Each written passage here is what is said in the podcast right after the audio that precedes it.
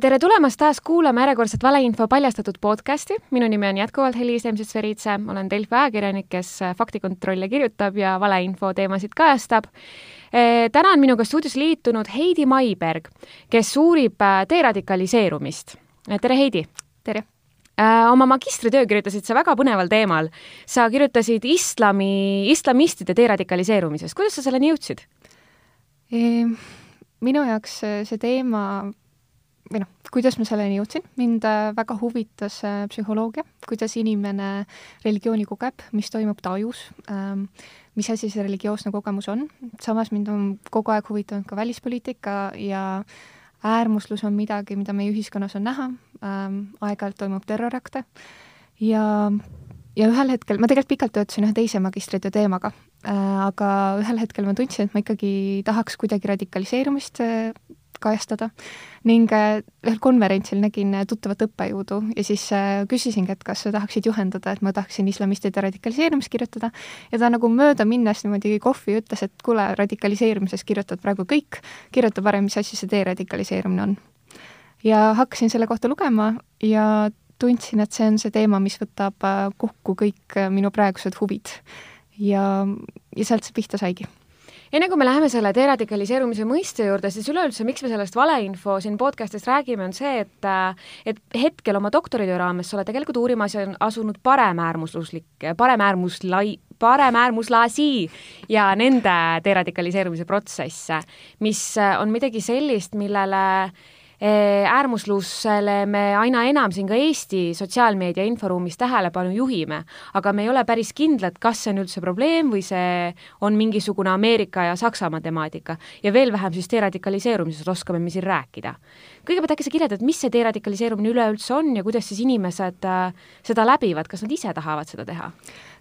Väikse parandusega, et ma keskendun nii islamistidele kui paremäärmuslastele, et äh, see taust on lihtsalt see, et äh, mis ma magistritöös teada sain, on see, et äh, spetsialistid, kes töötavad inimestega, kes soovivad deradikaliseeruda, ähm, kasutavad küllalt sarnaseid meetodeid ja et nende enda jaoks nagu tegelikult erilist vahet sellest ideoloogiast või religioonist ei ole, et, et tegeletakse äärmuslastega.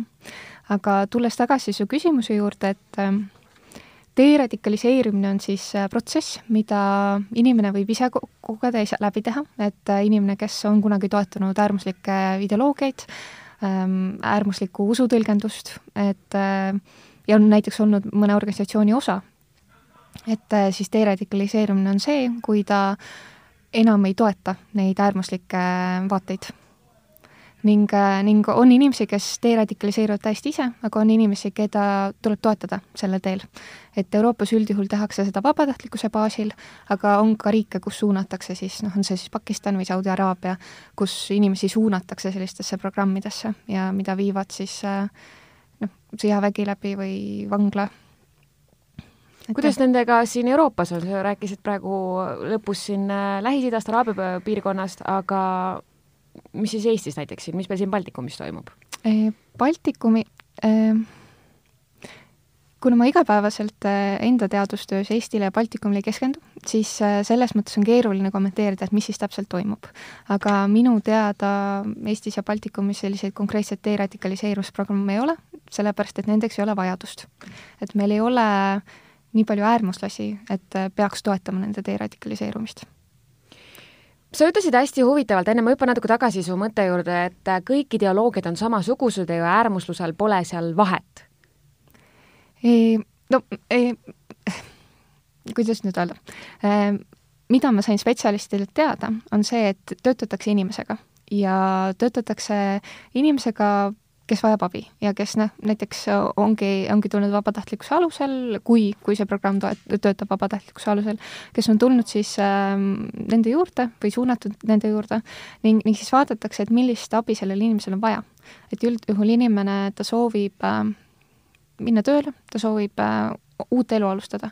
ta soovib leida uusi sõpru, ta soovib, äh, ta soovib kuskilt pihta hakata ja siis äh, need spetsialistid, on nad siis äh, sõltuvalt organisatsioonist ja riigist, on nad siis sotsiaaltöötajad, on nad siis psühholoogid, noorsootöötajad, nad siis üldjuhul hakkavad siis samm-sammult toetama seda inimest mentori rollis ise olles siis mentori rollis. ning selles mõttes sel ideoloogial võib olla vahe, et aga, aga nagu üldjuhul need meetodid, mida kasutatakse, et inimest toetada deradikaliseerumisel, on sellised äh, ideoloogiaülesed.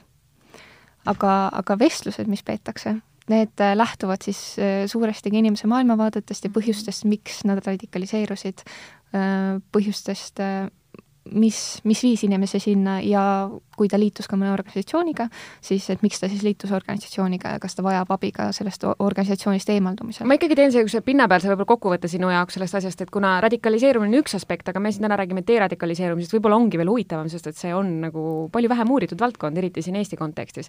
aga saan ma ikkagi asjast õigesti aru, et nii paremäärmuslaste kui ka islamistide deradikaliseerumine on oma metodoloogias äh, riikides, kus on suurematesse, kaugematesse kingadesse juba jõudnud, on ikkagi sama siis? Sellist äh, üleüldist metodoloogiat, mida igal pool kasutatakse, minu teada ei ole. Et nii palju, kui mina olen seda uurinud, et pigem kuna see tee, kuna see distsipliin on küllalt algusjärgus mm, et selliseid programme, noh, Rootsis tehti, Rootsis, Norras hakati kaheksakümnendatel tegema, sama Saksamaal, nende puhul siis paremäärmuslastele, aga Euroopa kontekstis just ähm, sai ta nagu väga suureks probleemiks äh, kui ISISe liikmed hakkasid tagasi tulema. et siis sellisel juhul sellist ühtset äh, on põhimõtted, millest lähtutakse, on soovitusi, mida antakse, aga sellist ühtset metodoloogiat minu teada ei ole, et ikkagi iga organisatsioon, iga riik äh, teeb natukene omamoodi, sellepärast et see kontekst on erinev. riigid on erinevad, äh, probleemid, mis vii-, äh, mis puudutavad äärmuslasi nendes riikides, on erinevad. et kui noh, näitena ähm, Norras ja Rootsis ähm, kaheksakümnendatel olid mõlema, mõlemas, mõlemas kohas olid paremäärmuslasi. aga noh, mõlemad äh, paremäärmuslased ka äh, lähtusid nagu, neid sageli nagu just äh, juhtis see narratiiv, et äh, tulevad teise taustaga inimesed meie riiki ja me ei ole sellega rahul. et just selline rändemotiiv oli midagi, mis, mis neid äh, motiveeris või mis neid segas, mis oli see probleem, mis nende meelest oli vaja ära lahendada Ehm, Norras kasutati, kuna Norras äh, pigem radikaliseerusid noored, sellised äh, hilisteismelised, siis äh, siis Norra lähenemine oli see, et kogukonnad tulid kokku, kasutati hästi palju sellist nagu peremeetodit ja räägiti kogukonnas neist probleemidest, viidi konkreetsed meetodid sisse koolidesse. samas kui Rootsis pigem radikaliseerusid inimesed, kes on ühiskonnas väga heal järjel äh,, täiskasvanud, austatud ühiskonnaliikmed, et siis nende puhul äh, need deradikaliseerumismeetodid ja programmid, mis ehitati neile üles, need kasutasid teisi meetodeid, mis sobiks täiskasvanutele. seega noh, ükskõik mida kasutatakse, need peavad hästi lähtuma sellest kontekstist, kus, kus me paikneme. et äh, need tegevused, mis on Soomes, neid ei saa otseselt üle kanda Saksamaale, lihtsalt sellepärast, et see kontekst on teine. Et probleemid on teised, olustik on teine, ajalugu on teine, inimeste taust on teine, et sellist ühtset, noh, on väga palju ühiseid jooni, mida tehakse ja kasutatakse üle maailma, aga, aga sellist nagu ühtset, ma ei tea, kava kui sellist ei ole. kuidas saada aru, et minu lähedane on juba radikaliseerunud ning ta vajab mingit tuge väljastpoolt? kas su lähedane on hakanud teistmoodi käituma? kas su lähedane on hakanud mingitel kindlatel äh, teemadel rääkima? kas ta soovib näiteks rääkida mingitel teemadel, millel ta varem ei ole nii rääkinud või kas ta läheb põlema mingite teemade peale. ma võtan näiteks, mul tuli ähm, suvel, osalesin ühel veebinaril, kus üks ähm, USA ähm, endine äärmuslane vestles ka ja tema te,, tema äh, tema vanemad mõlemad on ülikooli õppejõud. Ja, ja tema tahtis, kui ta oli selline hilisteismeline, siis teda hakkasid mingisugused probleemid piinama, et äh, rändega seotud, immigratsiooniga seotud, kuritegevusega seotud, et teda, noh, ta liikus just sellise paremäärmusluse poole. Ja, ja noh, teda huvitaski see, et noh, et kui selline rändepoliitika on, et kas siis meie rass ei sure välja, kas meie kultuur ei sure välja. ja tema näiteks väga tahtis rääkida õhtusöökidel perega neil teemadel ja ta ei saanud aru, miks vanemad nagu seda natukene eemale lükkavad, miks nad ei taha sellistel delikaatsetel, aga kriitilistel teemadel rääkida. et, et ma arvan, et äh, üks, üks võib-olla märk võibki olla see, et on mingisugused teemad, mis väga-väga huvitavad ja painavad ja mis, millest on nagu keeruline lahti lasta, inimene on muutunud väga nagu selliseks nagu noh, vale sõna küll, aga nagu võib-olla neisse armunud, et ta tahab neid arutada hästi palju. mida, mida näiteks islamistide puhul on välja toodud, aga siin on jällegi see, et see peab hästi indiviidist lähtuma, et kuidas ta muidu on käitunud, aga et kui näiteks äh, noored äh, mehed hakkavad näiteks emale ütlema või õdedele ütlema või teistele naistele ütlema, et kuidas on, kuidas on kombeks riides või kuidas on äh, kuidas on õige riides käia, et sa tegelikult peaksid näiteks Euroopa kontekstis oma juukseid katma, sa tegelikult peaksid, ei tohi teksapükse kanda, vaid peaksid pikka seelikut kandma, et, et ka sellised märgid võivad olla. aga, aga samas nagu neid märke ei pruugi ka olla ma küsisin äh, selle kohta arvamust ka Eesti politseilt, äh, kus tuli selline kommentaar, et äh, äärmusluste radikalismi, radikaliseerumist iseloomustab see, kui need inimesed on kas vägivaldsed oma ideoloogia suhtes või nad toetavad vägivaldseid te-, vägivallategude kordapanemist. seega noh, ta ei pea ise alati vägivaldne olema, aga, aga ta toetab seda sinu seletus nüüd siin aga on nagu pigem viitab ka natukene millelegi muule, et, et vägivald ei pruugigi see üldse keskne element sellel radikaliseerumisel olla? no millega politsei tegeleb ja millega väga paljud teadlased tegelevad, ongi just see vägivaldne pool, et kui, kui hakatakse kellelegi liiga tegema ja, ja see ongi midagi, millega peabki tegelema ja see on väga oluline ja sest see on, see on oht meile kõigile noh, see vägivalla element kindlasti on midagi, mis ma arvan, et on vaja sisse tuua, et kui inimene ongi muutunud äh, kas verbaalselt või füüsiliselt vägivaldseks kellegi poole, et siis see on probleem. Ähm, kuidas see küsimus täpselt nüüd oli et kas radikaliseerumisest annab tunnustust ka see, kui inimene ei pruugi tegelikult üldse veel vägivaldne olla?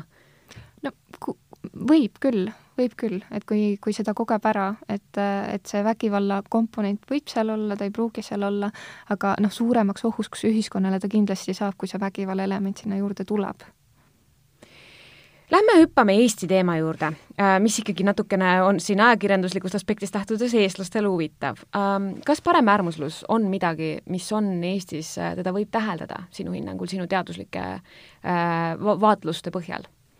No sõltub, kuidas me defineerime, mis on paremäärmuslus. et äh, noh, nii palju, kui mina olen jälginud ja see on ka selline nagu meedia baasil ja isiklikel kogemustel, et äh, noh, selliseid äh, märgikesi võib-olla, et on inimesi, kes pooldavad mingisuguseid mingisuguseid mõtteid või, või kasutavad mingit sümboolikat, seda viimastel aastatel on tegelikult tulnud mm. -hmm. et kas või mingite käemärkide kasutamine mhm. Riigikogus või äh, no ma isiklikult aga kas terve partei on paremäärmuslik või ei ole äh,? mina ei oska seda hinnata, et ma ei ole niimoodi seda analüüsinud ja mul puudub andmestik, et seda, sellist asja väita et noh, lihtsalt, äh, et noh, mingite selliste sümbolite kasutamist siin-seal ma ise olen täheldanud. ja noh, eks see, aga noh, see on hästi, noh, me peame selliste siltide andmisega väga-väga ettevaatlikud olema, sellepärast et äh, sellele peaks eelnema põhjalik järeltöö või, või tähendab, põhjalik eeltöö mm, -hmm. et, et äh, mida siis keegi tegi, miks ta mingi, mingit asja tegi, kas ta en-, kas tal endal on, et kui ta kasutabki mingisugust käemärki või paneb endale mingisuguse auto peale kleebise, et kas äh, et miks ta seda tegi, et kas seal taga ongi see, et ma toetangi väga paremäärmuslikku maailmavaadet või või ma ei tea, ma tahtsin teha nalja või noh, et, et selles mõttes see igasuguste siltide panemisel peab olema tegelikult noh, väga ettevaatlik, et aru saama, et millega tegu on tegelikult. sa ütlesid, kui me eelnevalt vestlesime, ette valmistusime selleks podcast'iks, et äh, sa kaardistad ka Baltikumis toima to,, toime pandavaid äh, paremäärmuslikke tegusid. kas sa saad neist näiteid tuua, mida see töö tähendab ja mille jaoks seda tarvis teha on? Jaa. Äh,, Oslo ülikooli juures on selline uurimiskeskus nagu CREX äh,, mis keskendubki siis pari, paremäärmuslikule äh, vägivaldsele ekstremismile. Ja, ja siis äh, nemad koguvad enda andmebaasi tarvis selliseid väga vägivaldseid tegusid, mida paremäärmuslike, paremäärmuslased on teinud ning nad on andmebaasi siis lisanud ka Ida-Euroopa riigid, et varasemalt nad kaardistasid äh, Lääne- ja Kesk-Euroopa riike. ning äh,, ning siis mina olen äh, kogunud siis äh, mis on meedias olnud, mida on mulle ametkond öelnud neid, mis siis Baltikumis on tehtud. et noh ähm,, selles mõttes on nagu, kuna nemad koguvad ikkagi päris tõsiseid kuritegusid, siis need Baltikumi arvud on olnud pigem nullid, et noh, kategooriad ongi see, et kas kedagi on tapetud paremäärmuslikust ideoloogiast lähtuvalt, kas on soovitud äh, pommiga õhata mingisugust hoonet või on proovitud seda teha, kas kedagi on noh, kes, kellega on tõsiseid füüsilisi vigastusi tekitatud. et selles mõttes need on küllalt tõsised kategooriad. Ähm, Läti puhul ähm, mis ma nende inimestelt teada sain, on see, et nende arvud on tegelikult nullid, et neil selliseid juhtumeid ei ole olnud. Ühe näitega või noh, eelmisel aastal üks mees soovis äh, õhata siis vähemust kooli, kus käib palju vähemusi, aga politsei sai sellele vahele Äh, mis, miks äh, nad aga arvavad, et kus ta seda et... soovis, ma huvi pärast täpsustan eh,? internetis andis teada enda Facebooki lehele? no tegelikult kuidas... ta oli täitsa tegudel, et mm., et selles mõttes politsei sekkus mm. ja tegu ei viidud ellu mm.. aga, aga mm, aga noh, mida politsei nagu ka märku andis, oli see, et äh, kohtuekspertiisi tulemusel kohtupsühhiaater siis hindas, et see inimene ei ole vaimselt terve ja ta läks ka siis psühhiaatriakliinikusse et, et noh, Lätiga, Lätiga oli siis selline juhtum, aga kuna inimene ei olnud äh, vaimselt terve, et siis me ei saa ka olla kindel, et see on siis sellisest paremäärmuslikust ideoloogiast lähtunud, et võis olla lihtsalt tegu haige inimesega. Leedu puhul selliseid noh, et näiteks juutide haudu, haudu on rüvetatud või LGBT pluss kogukonna ähm, kogukonna liikmeid on rünnatud ja välismaalasi on rünnatud, et selliseid juhtumeid on viimastel aastatel olnud ja pigem ta on kasvavas järgus aga, aga noh, need noh, need on selles mõttes pigem nagu ikkagi kerged juhtumid, et kedagi ei ole noh, väga tõsiseid kehavigastusi ei ole veel tekitatud, ehkki näiteks vist eelmisel või üle-eelmisel aastal äh, pandi LGBT pluss kogukonna uks põlema. Et mis tegelikult on selline hästi konkreetne rünnak. aga noh, mis äh, välja tuli, mis äh, sel aasta enne jaanipäeva vist tuli uudis välja, et eelmisel aastal politsei võttis kinni ühe noormehe, kes soovis õhata ühe panga ja, ja kellel olid äh, sidemed ühe paremäärmusliku organisatsiooniga.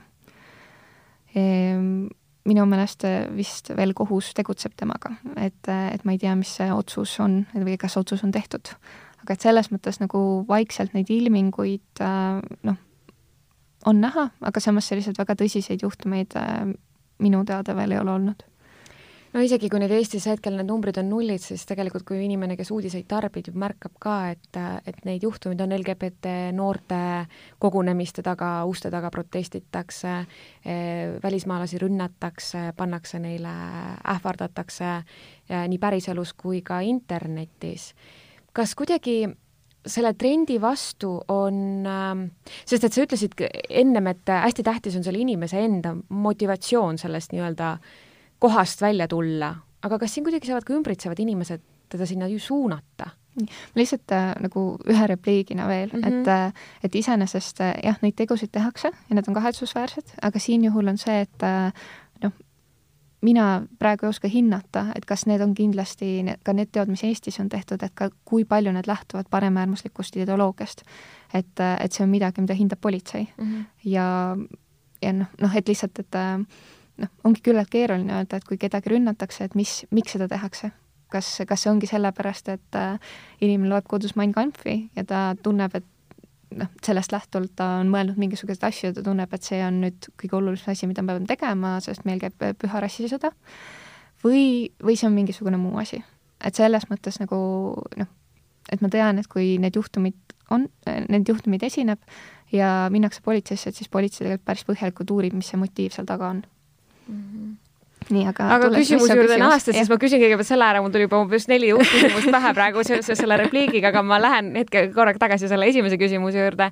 et kui ma näen, et minu ikkagi äh, lähedane, natuke midagi sarnast ma juba küsisin ka, aga kui minu lähedane postitab Delfisse, jätab neid vihaseid kommentaare mm., et tuleb kõik ära tappa ja ära hävitada ja moderaatorid küll neid hoolega kustutavad, aga, aga alati pole sellest kasu. Facebookis jäetakse tohutult äh, ka selliseid kommentaare igasuguse teema alla, juudi vihast õhutatud, LGBT kogukonnast õhutatud ja nii edasi.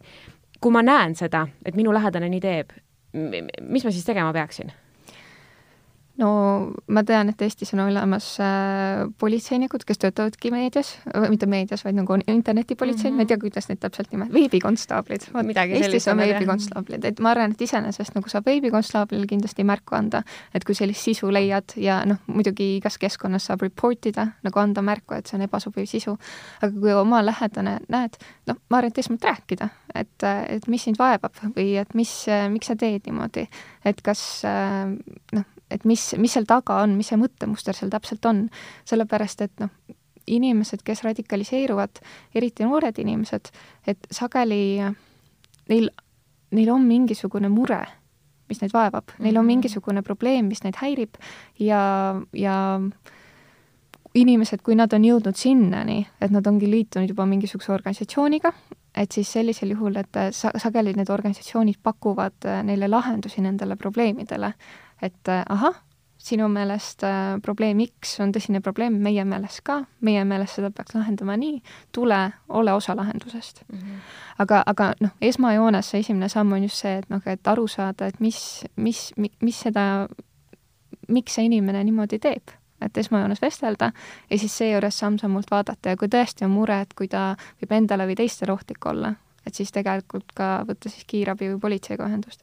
kas Eestis on puudus, ütled veebikonstaabel on veebikonstaabel paraku ähm, on, on teatud kohtades ei oska aidata, seda ta ei saa paraku aidata, ta ei saa Facebookist neid kommentaare kohe maha võtta, kui need ei ole just tõesti kellegi otsest elu ohustavad, nagu nad väga palju ka seda rõhutavad. kas sulle tundub, et Eestis on puudu mingisugune instants või keegi ekspert, kes just tegeleks nende noorte inimestega, kes on nagu sinna teed juba alustanud, et nad veel õigel ajal sealt kätte saada sellest äh, august, kuhu nad langemas on? kuna ma igapäevaselt Eesti praktikaga ei tegele, et siis sel-, sellele on natuke keeruline vastata, aga ma ei, ma ausalt öeldes ei oska vastata, sest mina ei ole kokku puutunud nende mhm. noortega ja ma ei tea täpselt, kuidas see teekond on mm. -hmm. aga ma mõtlen, äh, kui, kuna meil ei ole selliseid tugevaid organisatsioone, mida ma teaks, mis toimetaks, mida peaks keelama, nagu näiteks noh, paar nädalat tagasi Soome kohus äh, keelustas Nordic Resistant Movement'i tegevuse mm, et meil selliseid organisatsioone ei ole, et siis ma arvan, et äh, see ennetustöö või äh, mis meil on tehtud, on tegelikult väga hea. Ja see, et me, kuna meil selliseid tugevaid organisatsioone ei ole, siis see näitab ka tegelikult seda, et noh, et et midagi me teeme väga hästi ma küsin huvi äh, pärast seda, kas sa praegu, kui sa kaardistad ja jälgid Eesti ja Baltikumi kogukonda, kas sa oskad seda mingit vahet tuua ka ee, siis nii-öelda eesti või lätikeelse versus siis äh, venekeelse kogukonna vahel? on need märgid kuidagi erinevad? nii täpselt ei oska mm.. Kui me rääkisime, valmistasime ette, siis me rääkisime ka sellest, et need äh, äärmusluse põhjused on riigiti, piirkonniti natukene erinevad. mingisugused sellised piirkondlikud probleemid, mis inimesi häirivad ja mis nad siis suunavadki lahenduste leidmisel väga nagu sellele riigile iseloomulikult. mis need siis Eesti ja Baltikumi probleemid täpselt on? taas, kuna kuna noh, sellis-, neid narratiive, et millest lähtuvad siis mm -hmm. näiteks äh, islamistid või paremäärmuslased mm -hmm. või vasakäärmuslased, kuna neid vaadatakse selliste mm, toimivate organisatsioonide poolt äh,, organisatsioonide põhjalt, et siis äh,, siis kuna Eestis ja minu meelest ka Baltikumis selliseid tugevaid organisatsioone, mida uurida ei ole, siis seda on väga keeruline väita. aga, aga noh, ma arvan, et äh, noh, mis äh, inimestes, noh, ma arvan, et seesama, et see rändevastasus, äh, hirm oma kultuuri püsimajäämise pärast, selline rassi küsimus, et kas rass võib sega, seguneda või selline rassi äh, rassipõhi, põhine natsionalism, et need on midagi, mis, mis on üldiselt paremäärmuslusele, paremäärmuslusele omased ja ilmselt on ka Eestis inimesi, kellele need võivad olla omased ma tahan nüüd jõuda saate teises pooles või lõpupoole siin äh, selle rollini, mida mängib äh, meedia ja inforuum radikaliseerumisprotsessis. Kõigepealt just nimelt radikaliseerumisprotsessis ehm,. kas inimesed, kellel ei ole Facebooki, võivad radikaliseeruda? kes ei ole seotud mingite sotsiaalmeedia võrgustike ja mingite selliste kohtadega no, ühismeediakontodega no ikka, et selles mõttes nagu terrorismi on äh, väga pikalt olnud ajaloos, et, äh, et äh, on olnud enne Facebooki ja on ilmselt mm -hmm. ka mhm. pärast Facebooki, et, et jah lühi, lühikene vastus. aga mis need äh, praegusel hetkel ikkagi kohad on, kas meedia on koht, kus ikkagi seda informatsiooni ammutatakse ja see kujunebki väga kitsaks? Või on see ikkagi liiga nagu natuke pealiskaudne vaade, mida meile tutvustatakse, aga päriselt tõele ei vasta, et seal on mingid muud aspektid veel, et ainult äh, Facebook ja ainult inforuum ei saa ikkagi inimest ainult radikaliseeruda no lõpuks inimene radikaliseerub ja ta mm -hmm. radikaliseerub selles keskkonnas, mis äh, teda ümbritseb ja, ja siis nende erinevate selle triggerite mm -hmm. põhjal äh, millest viimasel ajal on teaduskirjanduses väga palju räägitud, on just see sotsiaalmeedia mõju ja, ja et on, ähm, on, on keskkond ja on see siis Fortune, Nation, Telegram, Reddit äh,, mingid muud keskkonnad, kus sellist äh,, ka Youtube tegelikult, kus sellist äärmuslikku sisu liigub ja kust äh, seda, ehkki platvormid teevad väga tõsist tööd, et sellist sisu ei oleks ja kui see üles laetakse, et see võetaks maha või üleüldse ei oleks võimalik seda üles laadida, siis ikkagi ta jõuab sinna, kus seda infot liigub et selles mõttes sotsiaalmeedial kindlasti on oma roll, samamoodi kirjutaval meedial, et noh, millega näiteks deradikaliseerimisprogrammides sageli tegeletakse, on see, et ähm, äärmuslastel sageli on küllalt mustvalge maailmapilt. Nad teavad, mis on õige, nad teavad, mis on vale, nad teavad, mis on probleem ja mis on lahendus. ja, ja siis need mentorid või äh, politseinikud või vanglaametnikud, psühholoogid, sotsiaaltöötajad, nad sageli vestlevadki ja nad küsivadki küsimusi, aga kuidas nii, aga kuidas täpselt nii või aga miks nii. ja see nende vestluste mõte on äh, tuua, tuua neid nüansse sisse, mis, mis maailmas on. et noh, meie maailm, kus me elame, on väga-väga keerukas ja sõltub väga paljudest erinevatest detailidest ja ja, ja, ja sageli see ja noh, nende vestluste eesmärk on tuua sinna mustvalgesse maailmapilti neid pooltoone, et kuule, et päris niimoodi seos-tagajärg tegelikult ei ole, seal vahel on mustmiljon asja. ja, ja noh, ma arvan, et äh, meedial selles mõttes võib olla päris äh, tugev mõjutav roll, et kas, äh, kui nad midagi kajastavad, et kas nad toovad seda nüansirikkust sisse või mitte. et kuidas kajastada, kuidas midagi kajastatakse, kui põhjalikult midagi kajastatakse, kas tuuakse erinevaid perspektiive loo, lugude tegemisel sisse, kõneleme me mm, rändekriisist või kõneleme me sisserände sisserände piirarvust. Kõneleme me ukrainlastest, kes maasikaid korjavad. et, et, et selles mõttes nagu meedial võib olla roll võib olla tugev roll.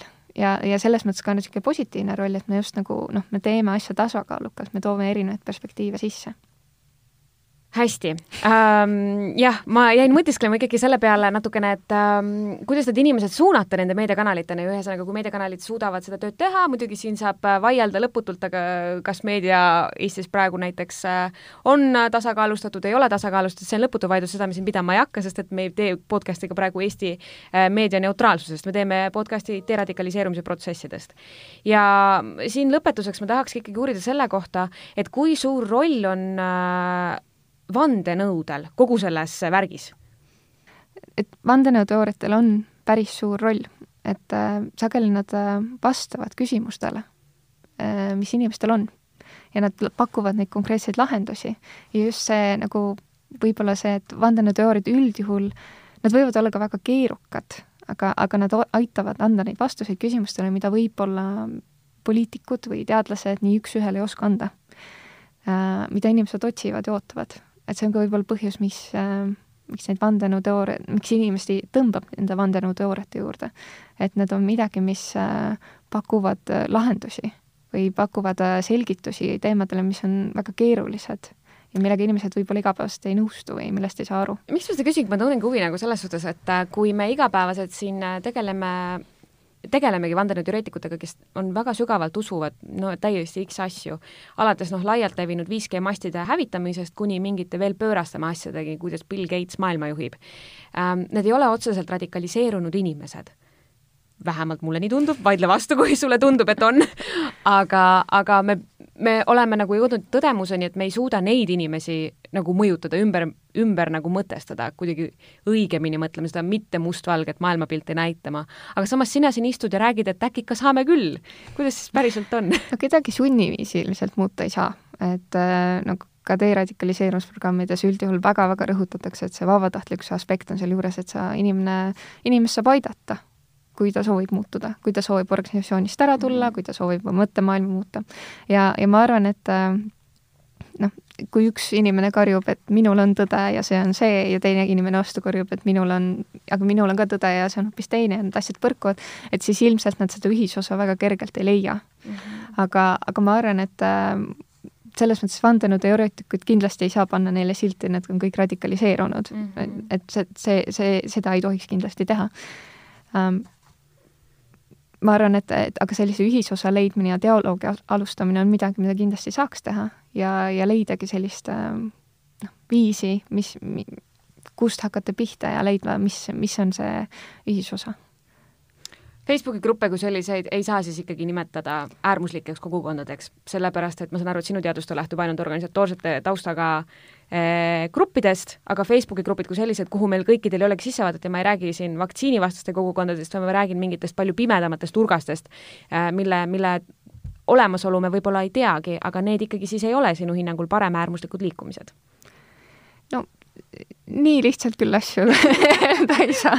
et äh, võib olla gruppe, kus on inimesi, kes on radikaliseerunud ja nad võivad toimetada Facebookis mm. -hmm. samamoodi nad võivad toimetada Telegramis või, äh, või mingisuguses muus kohas, Discordis. Äh, lihtsalt mu küsimuse mõte on, kas see või, võikski olla selle organisatsiooni ainuke väljund? Ja neid saaks pidada äärmuslasteks. et nad chat ivad seal omavahel Telegramis või chat ivad seal omavahel Facebookis, see ei ole tõesti, tõepoolest oluline, sul on õigus, kus nad on.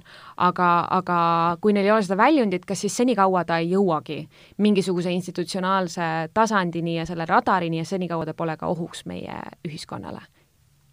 no inimesed võivad olla radikaliseerunud mm, -hmm. aga aga nad ei pruugi olla vägivaldsed mm. -hmm. et siin noh, mis see tähendab ohuks ühiskonnale, et kas ohuks äh, ollakse siis, kui äh, kui äh, muututakse vägivaldseks, kas ohuks ollakse ka siis, kui näiteks levitatakse valetõdesid mm. -hmm. et, äh, et noh, võib olla mõlemat. et kui see vale tõde on midagi, mis mõjutab inimesi väga palju. aga, aga noh, taaskord noh, ma nii üldiselt ei julgeks midagi öelda täpselt, et noh, tuleb vaadata äh, konkreetseid in-, indiviidi, tuleb õppida ta lugu, tuleb saada aru, mis, mis on selle indiviidi ja selle grupeeringu taga ja siis saab kommenteerida ma lõpetuseks tahaksin uurida, kuigi ma olen vist seda sõna lõpetuseks juba neli korda öelnud, aga nüüd on päriselt lõpetuseks ähm,. kuna sa oled Eestis äh, mina ei tea, minu meelest ei uuri mitte keegi enam deradikaliseerumist või rohkem peale sinu deradikaliseerumist Eestis. kas äh, paremäärmusluse või üleüldse radikaalsuse ja äärmusluse uurimine äh, vajaks Eestis rohkem äh, teadlasi, uurijaid sellega tegelema ja kui jah, siis äh, millised küsimused, millised on need peamised küsimused, mis sinul veel peas on, mis, mis vastuseid vajaksid? no iseenesest ma arvan, et on, äh, oleks kindlasti hea, kui saaks õppida, et mis asi see terrorism on, mis on radikaliseerumine, õppida, õppida täpsemalt nende erinevate noh, kas või terrorismi ajaloo kohta või terrorismi psühholoogia kohta, aga samas äh, noh, mina õpin Ühendkuningriikides ja seal on noh, väga tõsised probleemid ja noh, kas või minu aasta, kus ma olen õppinud praegu, selle raames on toimunud ka kaks rünnakut. Ehm, et, et selles mõttes nagu eraldi ma arvan, et mingi õppekava rajada ei oleks vaja, sellepärast et lihtsalt, et meil ilmselt äh, see ei ole nii suur probleem Eestis veel. aga, aga noh, ma arvan, et, et teadmisi jagada selle kohta, et seda, seda kindlasti võiks teha. aitäh sulle tulemast ja aitäh kutsumast! jõudu sulle sinu uuringutesse! aitäh! Música